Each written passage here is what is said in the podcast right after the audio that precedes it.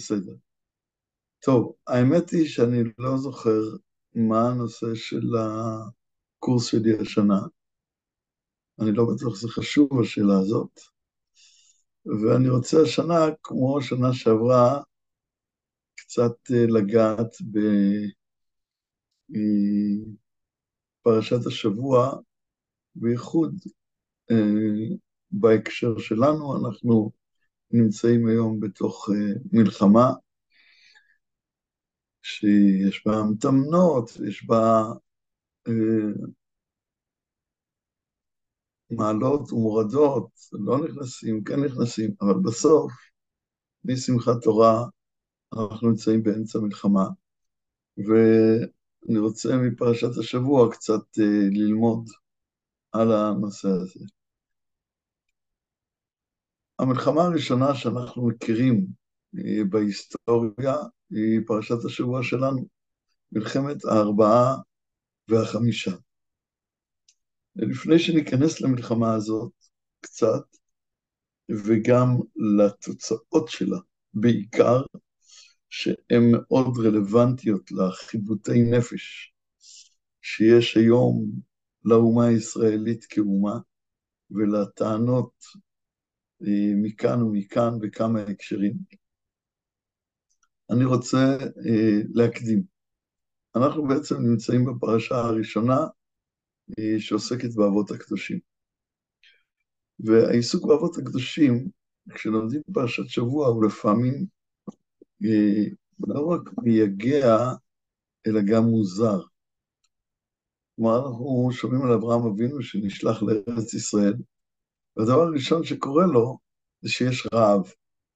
אומרים לך, תלך לארץ ישראל, נברך אותך, ויהיה ברכה, ובסוף אה, הוא מגיע ויש רעב. אבל הרעב הוא דבר חיצוני. קורה דבר פנימי, מזעזע, מיד עם כניסת אברהם לארץ. אנחנו לא נעסוק בו הרבה, אבל רק נזכיר אותו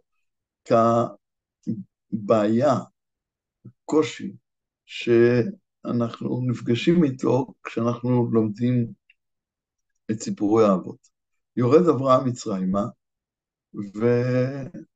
והוא נמצא בסכנה שיקחו את אה, שרה, שעכשיו הוא יודע, איננה ידעתי כיפת מראה ויהרגו אותו. והפתרון שאברהם אה, מוצא זה יורינה אחותי את, ואז ייקחו אותה ואותו יחיו, כלומר הוא כאילו נוטש אותה בבית פרעה. וזו דוגמה לשאלה שהיא מיד עם פתיחת הפרשה, שנוגעת להרבה תעלומות בהתנהגות של האבות הקדושים. ושלכן, אה, הלימוד מהפשט, ושהדור שלנו הוא דור שדורש פשט, של פרשיות האבות הוא לא קל. ו... לכן אנחנו צריכים להסתכל על הפרשיות האלה לא רק מנקודת מבט של מה התורה מספרת על האבות, אלא גם מנקודת המבט למה התורה בכלל מספרת על האבות. למה הסיפורים האלה כל כך חשובים? מה המשמעות שהתורה בעצמה נותנת לדמותם של האבות הקדושים. ובעצם, אם אנחנו מתבוננים בתורה, אנחנו אחרי אלפיים שנה בקירוב פוגשים את אברהם אבינו, וכל מה שהיה עד אליו מתפוגג ומתפנה להיות רקע לסיפור שממנו והלאה.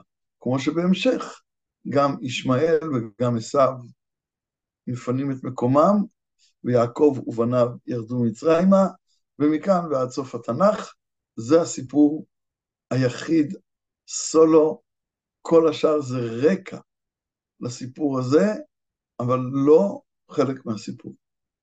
אז יוצא שאלפיים שנה, כמו שאומרים חז"ל, מאדם הראשון ועד אברהם אבינו, זה כמו חול שאדם איבד מרגלית בתוכו, והוא לוקח קברה ומנער את החול מרקד אותו בתוך הקברה, עד שנשארת רק המרגלית, ככה הקדוש ברוך הוא מוציא את כל האומות, ואברהם זה המרגלית שמתוכה מתחילה האומה הישראלית. והאומה הישראלית היא הסיפור של כל התנ"ך, של כל התורה כולה.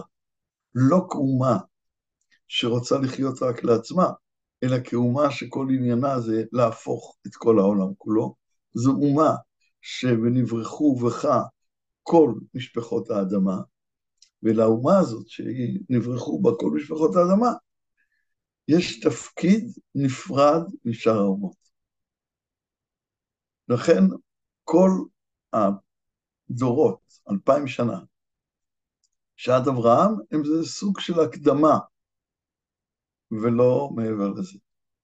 גם מאברהם, יצחק ויעקב, בעצם אנחנו מוצאים את שאר הענקים שלנו, תפלים לאברהם, ליצחק וליעקב. ולא מדרש חז"ל, עם כל אמיתיותו וחשיבותו, אומר את זה, אבל יש דרגה יותר עליונה ממדרש חז"ל, וזה תורה שבכתב.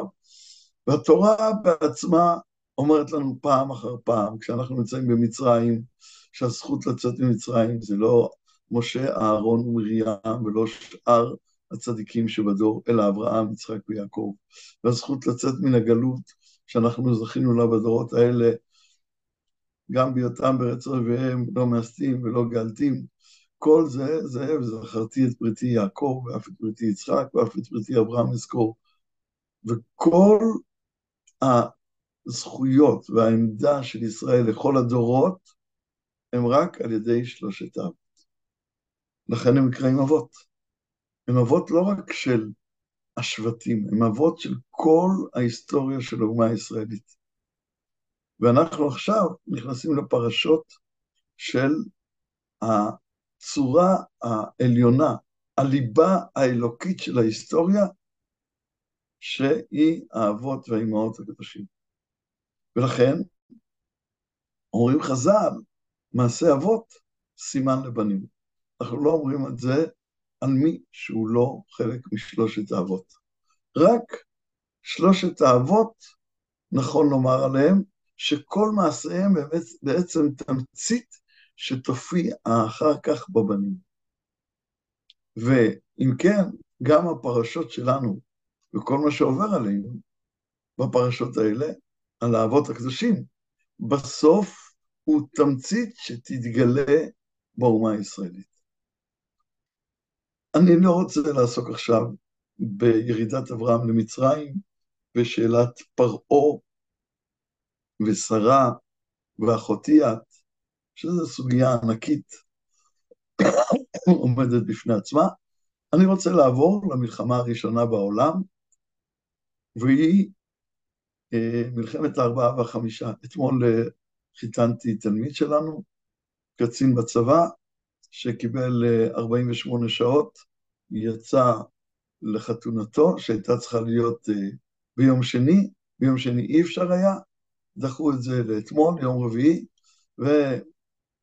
והכלה היא מאובנת על ים המלח, ואמרתי להם, הנה, המלחמה הראשונה בפרשה הייתה כאן, בעמק הסידים על ים המלח, ויוצא לנו קצין עכשיו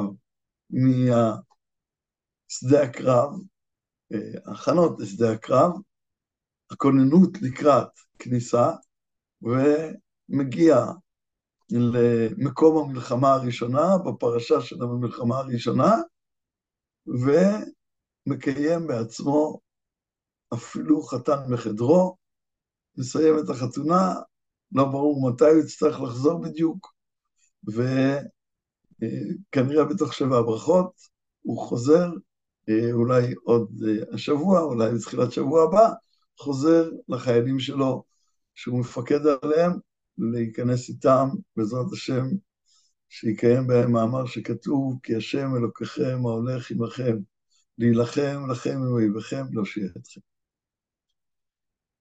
וכשאנחנו מגיעים למלחמה הראשונה בעולם, מלחמת ארבעה והחמישה, נדמה לי שאנחנו צריכים לשאול שאלה.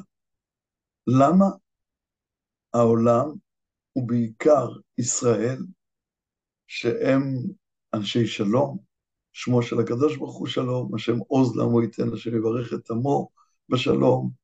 כל תפילה אנחנו מסיימים, עושה שלום במרומה, הוא יעשה שלום עלינו. למה אנחנו רדופים במלחמות לאורך כל ההיסטוריה? בוודאי כשאנחנו נמצאים בארץ. כל ימינו רדופים במלחמות. ולכאורה מלחמה זה דבר כל כך נורא, כל כך שפל, כל כך מושחת, עוסק ברצח, ובדרך כלל לא רק ברצח, אלא בזוועות נוראיות שנלוות לרצח. ובזה ישראל צריכים להיות עסוקים בעולם. באמת, כשאברהם אבינו שומע את הציווי, לך לך מארצך, הרי מה היה בארצו של אברהם, ברור כסדים?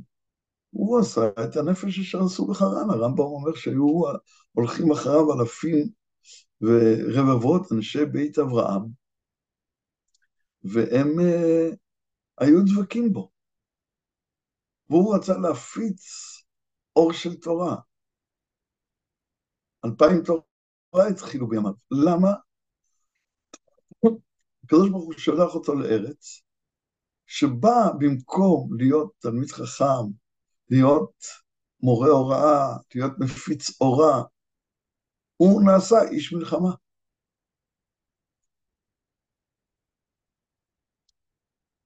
והשאלה הזאת, אם מעשה אבות סימן לבנים, למה בכלל האומה הישראלית נאלצת בכל ימיה, במקום להיות מתרוממת מעל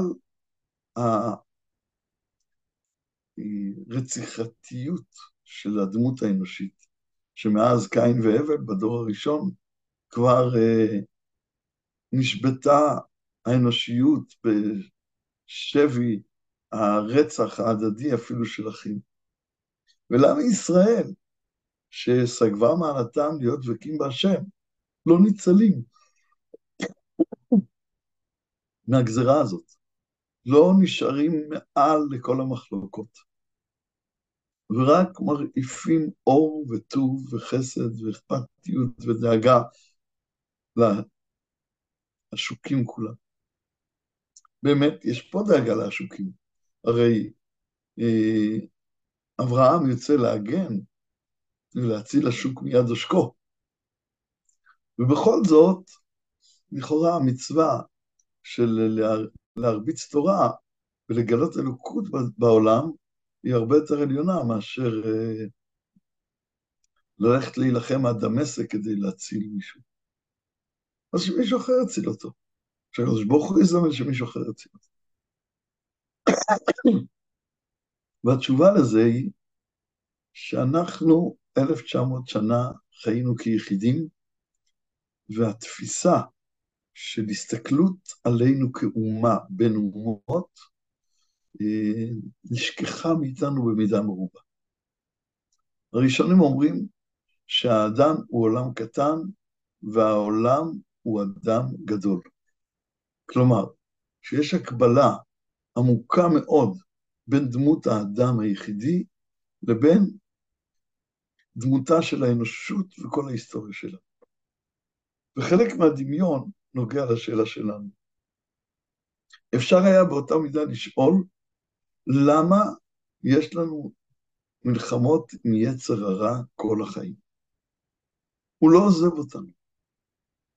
למה ישראל לא זוכים להיות דבקים בהשם בלי שיצר הרע יפריע? הרבה פעמים אנחנו חושבים, אם הקדוש ברוך הוא היה מוריד לנו את המינון של יצר רע באופן uh, ניכר, רציני, ומעלה לנו את המפלס של יצר הטוב, אז היינו יכולים להיות עובדי השם כדבעי, כראוי. אבל מפני שהקדוש ברוך הוא לא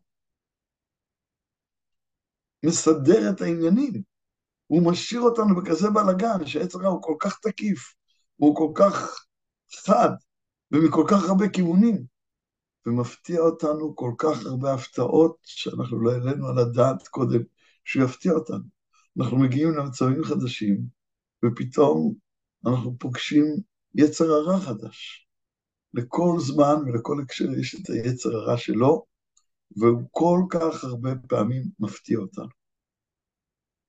למה? מפני שהקדוש ברוך הוא לא ברא אותנו כמלאכים בשמיים, אלא רצה שנהיה אנשי קודש ציוני, אנשים עם בשר ודם, ועם כל היצריות שקשורה לבשר ודם, שרצח היא חלק קיצוני בתוך זה, וגם עבודה זרה וגם שאר שחיתויות. והוא רצה שאנחנו ניאבק כל ימינו באדם הפרטי ביצר הרע. לגבי האיש הפרטי, אנחנו כל כך רגילים לזה מתוכנו, ואנחנו כל כך רגילים ללימוד על זה בכל ספרי המוסר, בכל ספרי האמונה, בכל ספרי החסידות. כל הזמן אנחנו לומדים על המאבק הזה. הוא לא איזה חידוש, הוא לפעמים מפתיע בנקודה מסוימת, אבל עצם היות המאבק הוא דבר פשוט שאין בלתו, לא יכול להיות שלא ניאבק. ועכשיו כשאנחנו מסתכלים על העולם כאדם גדול, אז אנחנו יכולים להבין שגם האנושות נאבקת בין יצר הטוב ליצר הרע. וגם על האנושות היה אפשר לומר שאם הקדוש ברוך הוא היה נותן קצת יותר מעמד ותוקף ליצר הטוב ומחליש את היצר הרע, כל העסק היה נראה אחרת. היצר הטוב באנושות זה האומה הישראלית. והיצר הרע באנושות זה 70 זאבים, אבל יש זאבים מיוחדים. בפרשה שלנו מוזכר השורש של הזאביות של הפתנים, ראשי הפתנים המפלצתיים, השטניים, שמעשיהם הולכים ומתפרסמים יותר ויותר, מפני שאנחנו צריכים להסביר גם לעצמנו במידה מסוימת, וגם לכל שבעים הזאבים, את גודל הרשעה של אותו זאב שמולו אנחנו עומדים. שבפרשה שלנו כתוב עליו, והוא יהיה פרא אדם. ודרשו רבותינו, לא אדם פרא. כלומר, ששם העצם שלו הוא אדם, והתואר שלו, ההתנהגות שלו היא פרא, אלא שם העצם שלו היא פרא, והתואר של איך הוא נראה כלפי חוץ זה אדם. ואנחנו ראינו את זה בשמחת תורה בחריפות שאין כדוגמתה. וכיוון שגם האנושות, כמו האדם הפרטי, היא מאבק ארוך ומתמשך לכל אורך ההיסטוריה בין יצר הטוב ליצר הרע, לכן אנחנו אומה שמלווה במלחמות בלי הרף. וכל פעם שאנחנו חולמים על כל הרישה כולה כעשן תכלה והפסקת המלחמות, אנחנו יודעים שזה יהיה בתקופה שקשורה לאותה תקופה שבה גם יצר הרע יכלה מאיתנו. כי המאבק כאומה והמאבק כיחיד הם קשורים בעומק זה לזה. ולכן מעשה אבות, האבות הקדושים, מתחיל בחיכוך עם אומות העולם, גם לך לך הוא סוג של חיכוך, להיפרד מהם, ואחרי זה להיפרד מלוט, אפילו מהזאבים הקרובים יותר, היפרד נא מעליי, והחיכוך עם פרעה בנוגע לשרה, אבל המלחמה הגדולה, מלחמת ארבעה והחמישה. ומלחמת ארבעה והחמישה היא בעצם הסימן המובהק לכל דורות ישראל, שיהיה להם לא רק חיכוכים עם אומות העולם, לא רק מאבקים, לא רק היבדלויות, אלא גם, ובמידה מסוימת באופן יותר דרמטי, כגודל הפרשייה ב... של ארבעה והחמישה, עם המאבקים הבינלאומיים, שגם אנחנו נהיה בתוכם. ונראה לי שבמידה מסוימת מלחמת שמחת תורה היא מלחמה שהיא בתוכם, כי בעצם אנחנו קצת ניצבים בקו פרשת מים בין מדינות ציר הרשע למדינות הדמוקרטיות, שזה שני צבעים של זאבים, אנחנו צריכים להיזהר מאלה וגם מאלה, אבל הם לא באותו צבע. וישראל, אחרי כל הריכוך של אוקראינה, נכנסה פה בדיוק לצומת שרוסיה, איראן, צפון קוריאה וסין מתחברות ומתהדקות יותר ויותר חזק, והן מחזירות אותנו למלחמה הקרה שלפני נפילת הגוש הסובייטי. אבל יכול להיות שהן נכנסות אותנו לשם לא עם מלחמה קרה, אלא מלחמה קצת יותר חמה, עם גזרות יותר מדממות. ולעומת זאת, גם אירופה, למרבה התדהמה, אפילו גרמניה הנאצית לשעבר, יימח שמם של כל הנאצים ושל אלה שעדיין ממשיכים אותם. הם פתאום מבינים שיש פה חצי עולם נגד חצי עולם. כי ישראל נמצאים בדיוק בתווך. זה כמו מלחמת ארבעה והחמישה. מלחמה רב-זירתית כזאת, שיש המון משקל בצד הזה והמון משקל בצד הזה. זה לא פעם ראשונה שישראל נמצאים עם המון משקל בצד הזה והמון משקל בצד הזה. אנחנו גם גיאוגרפית נמצאים בתווך, אבל גם הקדוש ברוך הוא מנהל את כל העולם, כל מחשבותיו אלינו, וכל המלחמות האלה זה בעצם מלחמה של הטוב ביצר הרע. וכשאנחנו נלחמים ביצר הרע, אנחנו אומרים, והסר שטן מלפנינו, ואפשר להגיד, השטן מלפנינו זה השטן שברור שהוא עומד נגדנו. הנה, הוא בא אלינו פנים מול פנים. זה הרביעייה הזאת של איראן, רוסיה, סין, צפון קוריאה, ציר הרשע, ושטן מאחורינו זה כל החיבוק המסוכן של ארצות הברית, של אירופה, של עוד מדינות, שאומנם הן מחבקות אותנו, אבל לא תמיד לטובתנו, וזה מסוכן מאוד, ולכן אנחנו מבקשים מסר שטן מלפנינו ומאחורינו. אנחנו צריכים להיות גם מזה זהירים וגם מזה זהירים. ויש לנו דוגמה לזה בפרשת השבוע שלנו, שהרי כשאברהם חוזר מהניצחון על ארבעת המלכים, מלך סדום רוצה לתת לו מתנות. הוא אומר, אני לא אקח חוט, אז צרוך נעל. אני לא לוקח שום דבר, גם לא מהחמישה שלמענם נלחמתי. כי אני רוצה להסיר גם את השטן מאחוריי, זה שכאילו תומך בי, מגבה אותי. גם הוא מסוכן לי. אין עם לבדד ישכון ובגויים לא יתחשב. יש יצר הרע שאומר לך,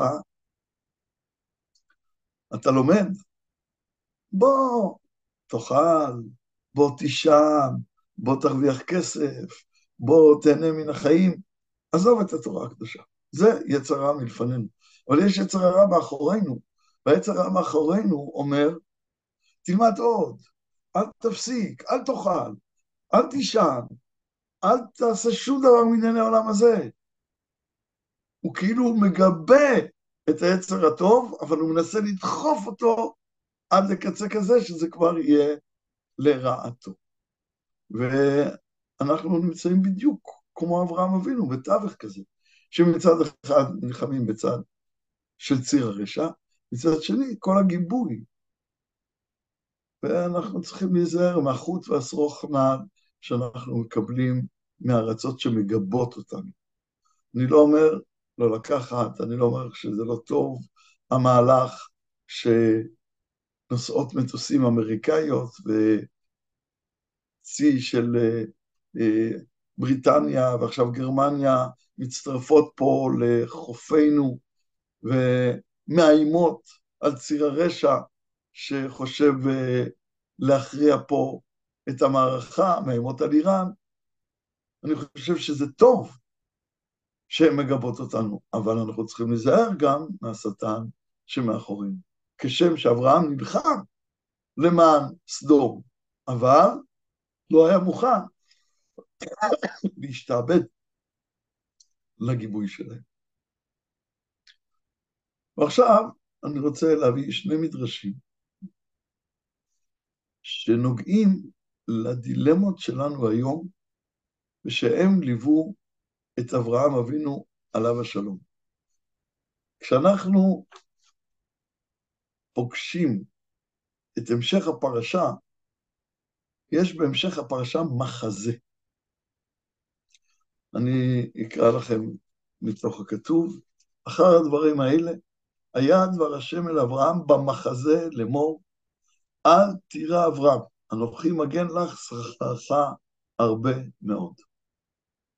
המחזה הזה דבוק לברית בין הבתרים, אבל לכאורה הוא לא מאותו עניין, ולא רק זה, אלא חז"ל אומרים שהוא בכלל לא באותו זמן.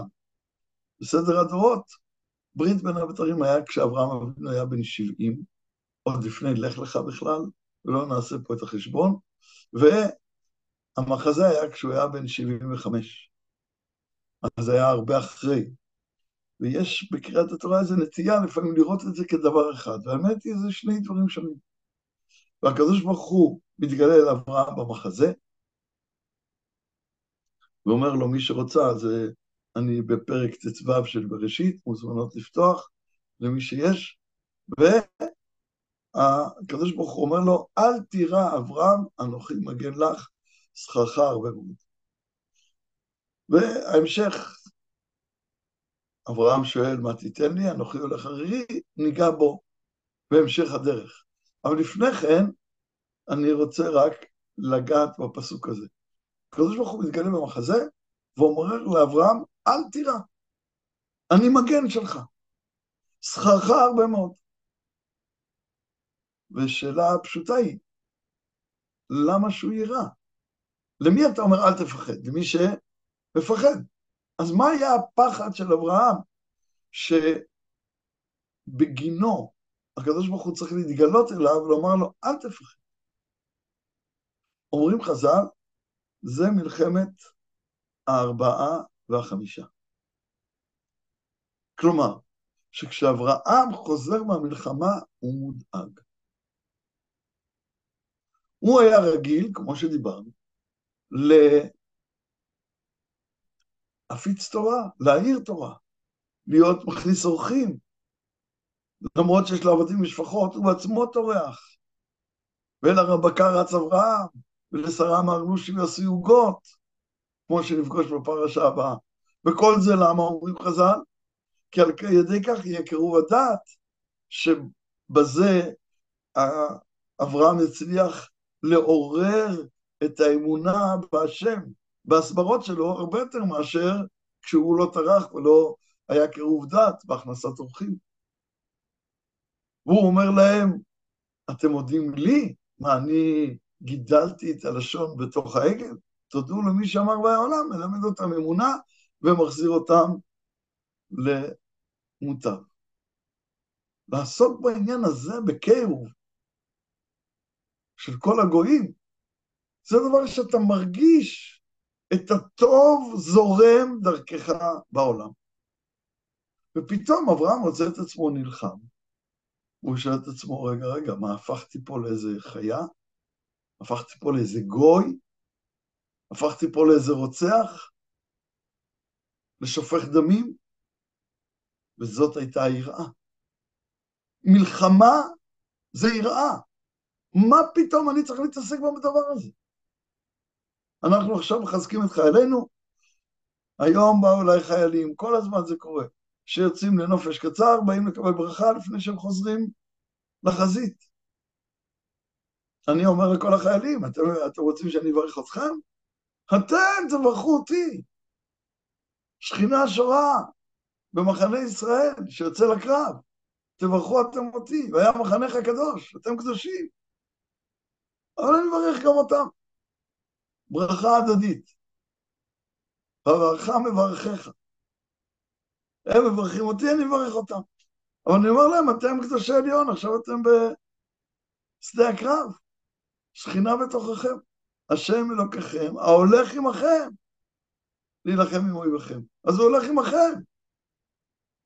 טוב, בכל זאת, אנחנו מברכים אחד את השני. ומה אנחנו, אני מברך אותם? שבאמת ינצחו, שיקומו אויבינו מכה קשה ומרה. בוודאי היום אין שום הנחות. את הרשעים האלה צריך להכות ולהשמיט. ולא שוב את כלותם. אני לא אומר, את החמאס ודאי. מה מעבר, עד כמה יש חמאס? היה מחלוקת, יש גר צדק שעזב את עזה והתגייר. הוא אומר, מדינת ישראל רוצה להשלות את עצמה ש-70 אחוז הם טובים ורק 30 אחוז הם בעייתיים, או 80 אחוז. הוא אומר, אני באתי משם, אל תספרו לי. אחרי הנחה, 99 אחוז הם רשעים שרוצים לכלות אותם. ואני נותן להם אחוז אחד כדי... הוא אומר, אני באתי משם, אני גדלתי, אני יודע מה זה גן ילדים שם, מה זה בית ספר שם, אני גדלתי בגן ילדים, בבית ספר, זה הכל זריקות רעל, להשמיד, להרוג ולאבד את כל היהודים, ואנחנו יודעים גם אה, באיזה דרכים. אני לא זוכר את השם שלו. על כל פנים, אה, הוא הופיע, שלחו לי איזה סרטון, אצלי לא נפתחים סרטונים, ראיתי אצל מישהו אחר, איזה סרטון ש... אה, שהוא מופיע, לא יודע, בכאן 11, אני חושב, לא, לא, לא יודע אפילו. לא, לא מבחין ביניהם. אז נחזור לעניין, לענייננו. אז אם כן, יש לאברהם דאגה. מי מפיץ תורה, נעשית איש מלחמות. אז רש"י מביא כך. אחר הדברים האלה, הרי הפסוק של המחזה מתחיל מהקשר. אחר הדברים האלה היה דבר השם לאברהם במחזה לאמור, אל תראה אברהם. אז אומר רש"י, אחר הדברים האלה, אחר שנעשה לו נס זה, שהרג את המלכים. והיה דואג ואומר, שמא קיבלתי שכר על כל צדקותיי. כלומר, אז זה שהקדוש ברוך הוא דואג לי והצליח במלחמה שלי, ואני חזרתי בשלום, אז אולי כל הזכויות שהיו לי, הקדוש ברוך הוא השתמש בהם כדי להציל אותי במלחמה. הרי הוא הלך לבד נגד ארבעה מלכים גיבורים. אז אומר, לכך אמר לו המקום, ממשיך רש"י ואומר, אל תירא אברהם, אנוכי מגן לך מהעונש, שלא תיענש על כל אותן נפשות שהרגת. ומה שאתה דואג על קיפול סככה, שמא קיזזתי לך משהו, סככה הרבה מאוד. למה? למה השכר הוא הרבה מאוד, למרות שבאמת הקדוש ברוך הוא עשה לו נס והציל אותו, זה לא דבר פשוט שאברהם עם אנשי ביתו ינצח ארבעה מלכים. קוראים לזה היום מלחמה רב-זירתית. אתה יוצא למלחמה רב-זירתית, מי אמר שתנצח?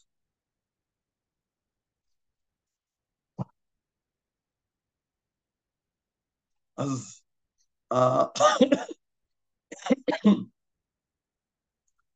המדרש בראשית רבה, שממנו גם רש"י לוקח חלק מהדברים, מוסיף בדבר הזה עניין עמוק. והוא סימן לבנים כי אנחנו מתמודדים בדיוק היום עם השאלות האלה. אנחנו קרועים במידה מסוימת בשאלות האלה. אומר המדרש בראשית רבה, אני, אם תרצו, זה שיעור שאמרתי בשנה שעברה, ולא ציפיתי ל... והיום הגעתי את הסיכום שלו, את העריכה של שיעור משנה שעברה, ואני יכול לשלוח, אני לא יודע למי לשלוח, אם רוצים אה, לראות את זה. טוב, אולי עוד רגע, העוזר שלי ישלח את זה למדרשה. אה, אז על כל פנים, אומר המדרש, רב לוי אמר, לפי שהיה אברהם אבינו מתפחד ואומר, תאמר, אותן אוכלוסין שהרגתי, שהיה בהם צדיק אחד, וירא שמיים אחד,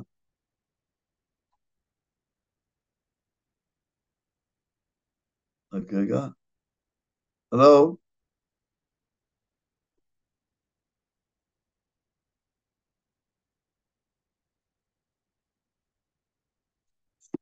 כלומר, אולי הרגתי חף מפשע.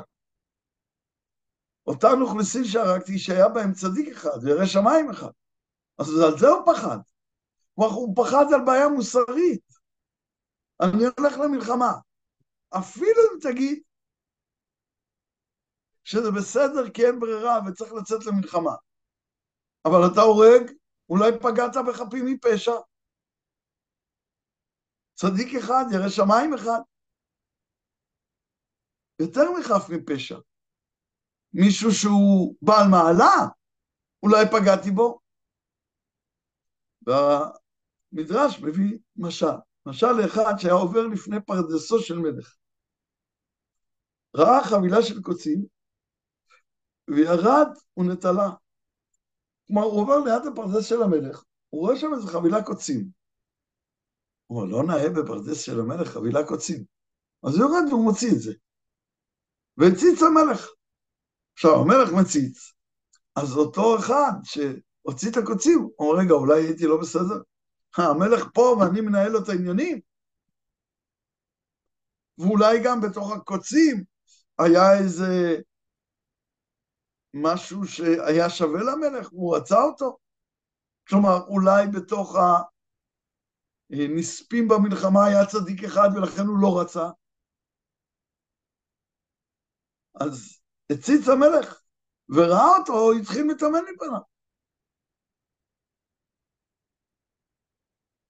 המלך רואה שאותו אה, אדם שהוציא את הקוצים, אה, מתחבא, לא היה לו נעים מהמלך. אמר לו המלך, לאותו אדם, מפני מה אתה מתאמן? לא, למה אתה מתחבא? כמה פועלים הייתי צריך שיכושו אותה. כלומר, אם אני הייתי צריך לעשות את זה, הייתי צריך להביא אה, פועלים שיקצצו את הקוצים ויוציאו. עכשיו שקששת אותה, בוא ותוד שכר.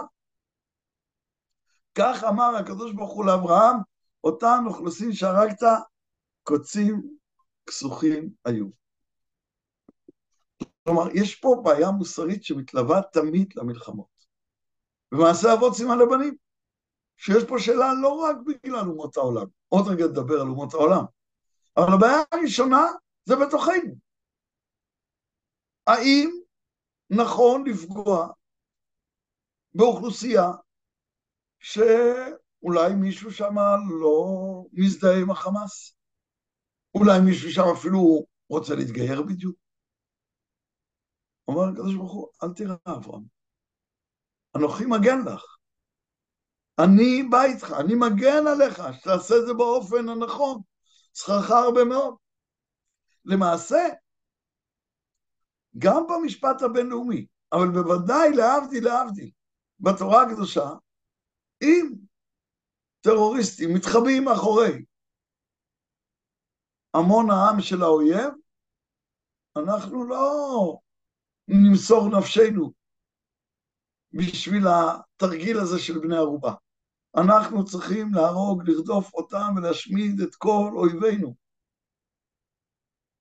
ואם הם גורמים לזה שיהרגו בני ערובה מעמם, אז האחריות עליהם.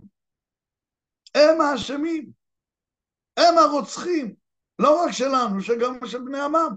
מי ששם מתחת בית חולים את מרכז הטרור, הוא אשם בכל בית החולים. מבחינה מוסרית, אפשר להוריד את שיפה עם כל מה שתחתיה ולנקות את העולם מהרשעה. זו הבחינה המוסרית. הדברים כתובים בדברים של הרב ישראלי שעסק הרבה בשאלות הלכתיות של מוסר הלחימה ואחרים. אבל אותו רבי לוי, שבמדרש מביא את המשל הזה שבעצם היה פה חשש מוסרי, הוא גם מביא שאלה אחרת. מה זה אל תירא אברהם? ובעצם אותו רב לוי אומר, יש פה שני מישורים של יראה, ושניהם מעשה אבות סימן לנו, לבנים, לנו היום, היום. אומר רב לוי, אחד זה השאלה האם יש פה פגיעה בחפים מפשע, הוא אומר, אל תירא, אנוכי מגן לך, שכרך, זה שכר גדול לעקור את הרישה הזאת מן העולם. ויש עוד שאלה, אבל מה עם הגויים שיעלו עלינו? הרי זה זאב, והוא בן למשפחה של 70 זאבים. וחלק מהזאבים כבר uh, מכריזים עלינו איומים, ומלחמת עולם שלישית, ומה לא, שנייה אחת. רפואל, אני בשיעור, אתה יכול לשלוח את, ה, את מה שהדפסת לי למדרשה שם, שהם ישלחו למי שרוצה? זה... לא, אוריה. לאוריה, תשלח. לא, לא צריך להעלות את זה, אני זה בעל פה, תודה. אבל שיהיה להם למי שרוצה שם. תודה, להתראות. בסדר, אז עוד מעט תשלחו אה, למי שרוצה את המאמר הזה, גם שתוכלו לראות את זה אה, בכתוב. על כל פנים, אז השאלה השנייה, אומר רבי לוי, אמר אוכרי, כלומר בפירוש אחר, לפי שהיה אברהם אבינו מתפחד ואומר, תאמר אותן המלכים שהרגתי, שבניהם מכנסים אוכלוסין ובאים ועושים איתי מלחמה. הממשיכים שלהם, השכנים שלהם, הבנים שלהם, יבואו, יקחו הרבה ויבואו לנקום בי. כלומר, יש פה עוד שאלה חוץ מהשאלה המוסרית. בסך הכל אנחנו עם קטן, ויש מולנו את מי? את רוסיה, איראן, סין, צפון קוריאה ועוד הרבה מאוד מדינות נלוות. אנחנו יכולים לעמוד בזה? וגם אמריקה שמלטפת אותנו, אנחנו יודעים שזה לא לתמיד ולא בכל הקשר, והיא כבר מתכננת לנו מדינה פלסטינית. אנחנו רואים כשנתנו לפלסטינאים ונפרדנו מהם מה קרה לנו, עכשיו אתה מתכנן ביידן עוד מדינה פלסטינאית? זה נקרא לאהוב אותנו? אחרי שאתה אומר לנו שבשואה לא באתם, עכשיו אתם צריכים לבוא, אז מה אתה מציע לנו? שמה שעשינו בעזה נעשה בכל יהודה ושומרון? ואז מה שקרה בעוטף עזה זה כל עוטף יהודה ושומרון, זה כל מדינת ישראל? זה מה שאתה, זה השטן שמאחורינו. אבל אתה אומר, אבל אם אתה לא עם ארצות הברית, לא עם אירופה, לא עם אף אחד, אז מה, אתה תהיה לבד בעולם? מתפחד אברהם ואומר, תאמר אותם מלאכים שהרגתי, בניהם מכנסים אוכלוסין, ובאים ועושים את זה מלחמה. אז הם יכנסו הרבה הרבה הרבה, הרבה זאבים, ובסוף אני כבשה אחת. אמר לו הקדוש ברוך הוא, אל תירא, אנוכי מגן לך. מה המגן הזה? אפילו כל החרבות באות עליה, היא עומדת כנגדן, כך את. תקשיבו טוב מה שעכשיו כתוב פה במדרש. אפילו כל עובדי כוכבים מתכנסים עליך, נלחם אני כנגדם. יהיה כל העולם כולו, 70 זאבים. נכון, אנחנו כבשה, על איזה כבשה, היה אומר רבנו הרב צידה. אפילו כל עובדי כוכבים מתכנסים עליך. נלחם אני כנגדם. זה לא הדרכה לשאלה איך להתנהל בממה הבינלאומית. גם אברהם לא נלחם נגד כולם. ואפילו מול פרעה הוא תמרן. אתה רואה שאולי ייקח את אשתך, תהרוג את כולם במצרים. זה לא פתרון להתעלמות מהמצב הבינלאומי, אלא זה אומר שאתה עושה את הדבר הנכון אחרי שיקול דעת, אחרי בחינת האפשרויות. אבל אחרי שהכרעת, הרי אם רק תפחד מאומות העולם, אז מכל צד ופינה, איך שלא תעשה את החשבון, אולי זה מה שיגמור עליך. תיכנס לעזה, אולי תסתבר שמה. לא תיכנס, אז אולי הם יישארו. תפתח בצפון, אז יגידו מה פתאום פתחת? לא תפתח, אז חיזבאללה יאיימו עליך. אז זה מכאן ומכאן, מה תעשה? תשובה, צריך לשקול, כמיטב שיקול הדעת, אבל מתוך הנחת יסוד, שהקדוש ברוך הוא עוזר לך, שאתה לא נשאר לבד. כי השם אלוקיכם, ההולך עמכם, להילחם עם אויביכם, להושיע אתכם. בשביל זה הוא הולך עמכם, בשביל זה יש שכינה במחנה ישראל. את כל שיקול הדעת אנחנו צריכים לעשות. אבל אנחנו לא פועלים לבד, יש לנו שותף. והשותף תמיד איתנו. הוא מצפה מאיתנו לעשות כל מה שמוטל עלינו. ומה שמוטל עלינו זה לעשות שיקול דעת נכון. אבל שיקול דעת שמתעלם מזה שיש לנו שותף, אלוקי עליון, שכל הארץ לפניו. הוא עושה ויעשה, עשה, עושה ויעשה את כל המעשים כולם. אם אני מתעלם מהשותף הזה, אז את עיקר העניין שכחתי. מתוך הכרה שיש לי שותף עליון ונשגב, ושהוא רוצה לעבוד איתי בשותפות, ולכן הוא רוצה את שיקול דעתי, הוא רוצה את בחינת המציאות שלי, הוא רוצה את האומץ לב שלי, הוא רוצה את המסירות נפש שלי, הוא רוצה את הדבקות שלי בשותף שלי. שכל אלה יהיו בקרבי, ואז אני צריך לדעת. אל תירא, אנוכי מגן לה, שכרך הרבה מאוד. אני הולך בקרב מחניך, ואפילו כל עובדי כוכבים מתכנסים עליך, אני נלחם, אני כנגדם. כך צריך ללכת למלחמות, תמיד. וזה נכון, בוודאי, גם היום הזה, שרשעת הגויים שלידינו התגלתה בכל כיעורה השטני. אבל המחזה לא נגמר פה. ואמר אברהם, השם אלוקים, מה תיתן לי?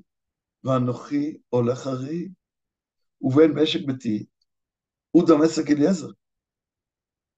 ואברהם הוסיף, ויאמר אברהם, אין לי לא נתת זרע, והנה בן ביתי יורש אותי. כלומר, אתה מגן, שכרך הרבה מאוד. תן לי שכר הרבה מאוד, תן לי מגן, ובסוף אין דורות הבאים. אין למי להעביר את כל זה. מה זה יעזור? אז פורנו מחדד את זה שיש פה שניות, שפעם אחת כתוב, מה תיתן לי ונוכל אנוכי רועי ובין משק ביתי ודמשק אליעזר, ומיד בפסוק הבא כתוב, אין לי לא נתת זרע, והנה בן ביתי יורש אותי. אומר הספורנו, למה יש פה כפילות? הוא אומר, בגלל שגם אם תוליד, הנה מה זה, זה, הנה שלחו את זה עכשיו בצ'אט אני רואה, מן הסתם גם אתם רואים, יש לכם את כל הדפים, אה, מהמקום שממנו אני מעביר את השיעור, אה, שזו שיחה שנתתי בישיבה בשנה שעברה. אומר הספורנו, בעצם יש פה שתי שאלות. אחת זה אין לי ילד, אין לי המשכיות.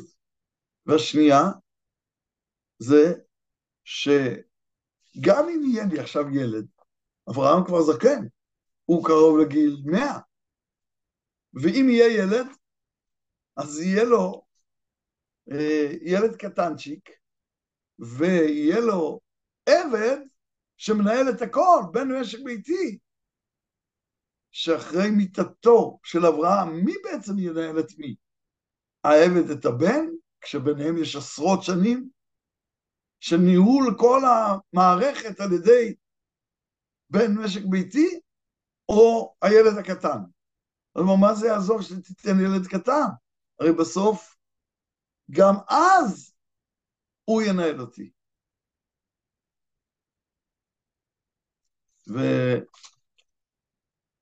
ואולי בסוף יישאר זמן, אני אענה לשאלה ששלחו. ולכן, אנחנו צריכים לחזור לתשובה המופלאה שהשם עונה לאברהם על השאלה הזאת. מה הוא עונה לו? והנה דבר השם אליו לאמור, לא יירשך זה. כי אם אשר יצא ממאיך, הוא יירשך. ויצא אותו החוצה, ואומר, הבט נא השמיים או ספור הכוכבים, אם תוכל לספור אותם? ואומר לו, כל יהיה זריך, ומין בהשם ויחשבו עלו צדקה. מה עוזר המעשה הזה, שלהוציא החוצה ולספור את הכוכבים, ולהגיד, אתה לא יכול לספור? בעצם, אולי נחזור מימרה, כבר הזכרנו אותה, אני חושב, אבל נחזור למימרה, שאמר מי שהיה ההומוריסטיקן הבולט ביותר אולי בתולדות מדינת ישראל, אה, אפרים קישון. אפרים קישון אמר פעם, היה הומוריסטיקן עם, עם ממד עומק, עם יכולות גבוהות, הוא אמר פעם, מה ההבדל בין ישראל לארצות הברית? הוא אומר, ארצות הברית זה ארץ האפשרויות הבלתי מוגבלות. וישראל זה ארץ המגבלות הבלתי אפשריות. כל פעם אנחנו נכנסים למצב של מגבלה בלתי אפשרית. שמעתי פרשנים, לוחם טרור, דוקטור, לאסטרטגיה של מלחמות, שהיה שם בשמחת תורה. הוא אומר שיהיה מכת טרור, שעושה עיוורון כזה לכל הצבא, כובשת את האוגדה, כובשת את התצפיתניות בעצמם, ובלבול דעת כל כך גדול, בהפתעה כל כך עצומה, ושתוך 12 שעות כמעט הם לא פגעו יותר. כל הנפגעים זה כמעט ב-12 שעות. ואחרי 36, אחרי 30 שעות כבר גמרנו, העברנו אותם לצד השני. נשאר אחד או שניים שעוד פגשנו אחר כך וחיסנו. או שיהיה מהפך כזה, זה נס שאין כדוגמתו. אין לזה אח ורע בתולדות המלחמות בעולם. גם ביום הכיפורים הפכנו את הקערה. אבל זה מלחמה עם טנקים, זה סיפור אחר. אבל כאן הפכנו את הקערה במהירות שיא, בהפתעה גמורה. אז ברוך השם, אנחנו במגבלות בלתי אפשריות פועלים הכי טוב בעולם. למה? כי אומר לקדוש ברוך הוא, רוצה לספור את הכוכבים, בגלל שאתה מנסה להעריך את ההמשך, את ההולדה שעתידה להיוולד מתוך המלחמה הזאת. מה נולד מפה? מה ימשיך את העצמיות שלך מפה? אתה רוצה לדון בזה לפי מה שמתרחש בעולם הזה. הנה בן משק, משק ביתי יורש אותי, וגם אם ייוולד לי ילד ויהיה קטן, אז אולי הוא ישתלט עליו, אחרי פטירתי. אבל אתה לא יודע שהחשבונות של האומה הישראלית הם בכלל לא בתוך המגבלות של העולם הזה. צא מהכוכבים, צא מהצטגננות שלך. צא מסדרי העולם הזה. הפעולות שישראל מגיע, מולידים מתוך מצבי לחץ, הם מחוץ לגדר הטבע. הם שמימיים ועליונים ואינסופיים כמו כוכבים בשמיים. כך פועלת האומה הישראלית. וגם אנחנו נמצאים בתוך לידה. ואנחנו שואלים, מה יצא מזה? עוד מלחמה ועוד מלחמה ועוד מלחמה ועוד מלחמה. ומה יצא מכל הגשמיות שהמלחמות מפילות עלינו, והרצון להיות מאוד עשירים, ושכל בני התורה גם יתגייסו לצה"ל וגם יתגייסו לכל ענייני הממון של המדינה, וכל מיני שעות כאלה שבעצם עמדו לנו ברקע חודשים לאחרונה. ואתה שואל אותי, מה, איך ייוולד? איך המדינה תתנהל? מי יממן אותה? מי יילחם בשבילה? איך מתוך כל המצוקות הפנימיות האלה והחיצוניות האלה יכול להיוולד את מה שעם ישראל מצפה להוליד, את הגאולה השלמה? תסתכל השמיימה, תספור הכוכבים, תדע שזה משהו שמימי עליון, חסר מספר, חסר גבולות, שהוא לא לפי ערך, וכל זה יצא ממאיך, מפנימיותינו, מעצמיותנו. יוצאים מהירים ככוכבי השמיים לרוב, כגובהם של כוכבי שמיים. קומות חדשות לאומה הישראלית. זה המחזה. המחזה הוא אל תירא אברהם. לא מבעיות מוסריות ולא מבעיות של תועלת, תשקול. אבל אני איתך. ההולך עמכם להילחם לכם עם אויביכם, להושיע אתכם. ואם אתה שואל, ולאן כל זה הולך? אתה הולך להוליד משהו אחר לגמרי, שהוא בכלל לא בגדרי העולם הזה. אתה צריך להסתכל באופן שמימי, עליון ונשגב, למעלה מכל גדר ומספר. וכל זה ממאיך יוליד הולדה חדשה. על השאלה, הרי הקדוש ברוך הוא את כל זה הביא לנו ביום שמחת תורה, אני רוצה להעמיד באופן הפוך. אם חס וחלילה זה לא היה מתוך שמחת תורה, מי יודע לאן היינו מגיעים? כמה שמחת תורה מגנה ומצלה. אנחנו לא יודעים חשבונות שמיים. אני לא יודע. אנחנו גם לא יודעים למה זה היה דווקא בחג. אבל אנחנו יודעים שאורה של תורה בוודאי מאיר ומגן ומשמח ומגביר חילים, גם פנימיים וגם חיצוניים, ונותן כוח לישראל לנצח את אומות העולם. ברוך השם, מלבד המכה הנוראית הראשונה, נוראית, נוראית. מהשואה לא היה דבר כזה.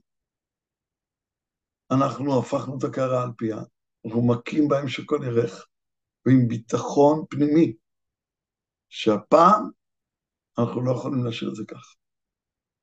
אנחנו מקווים מאוד שאנחנו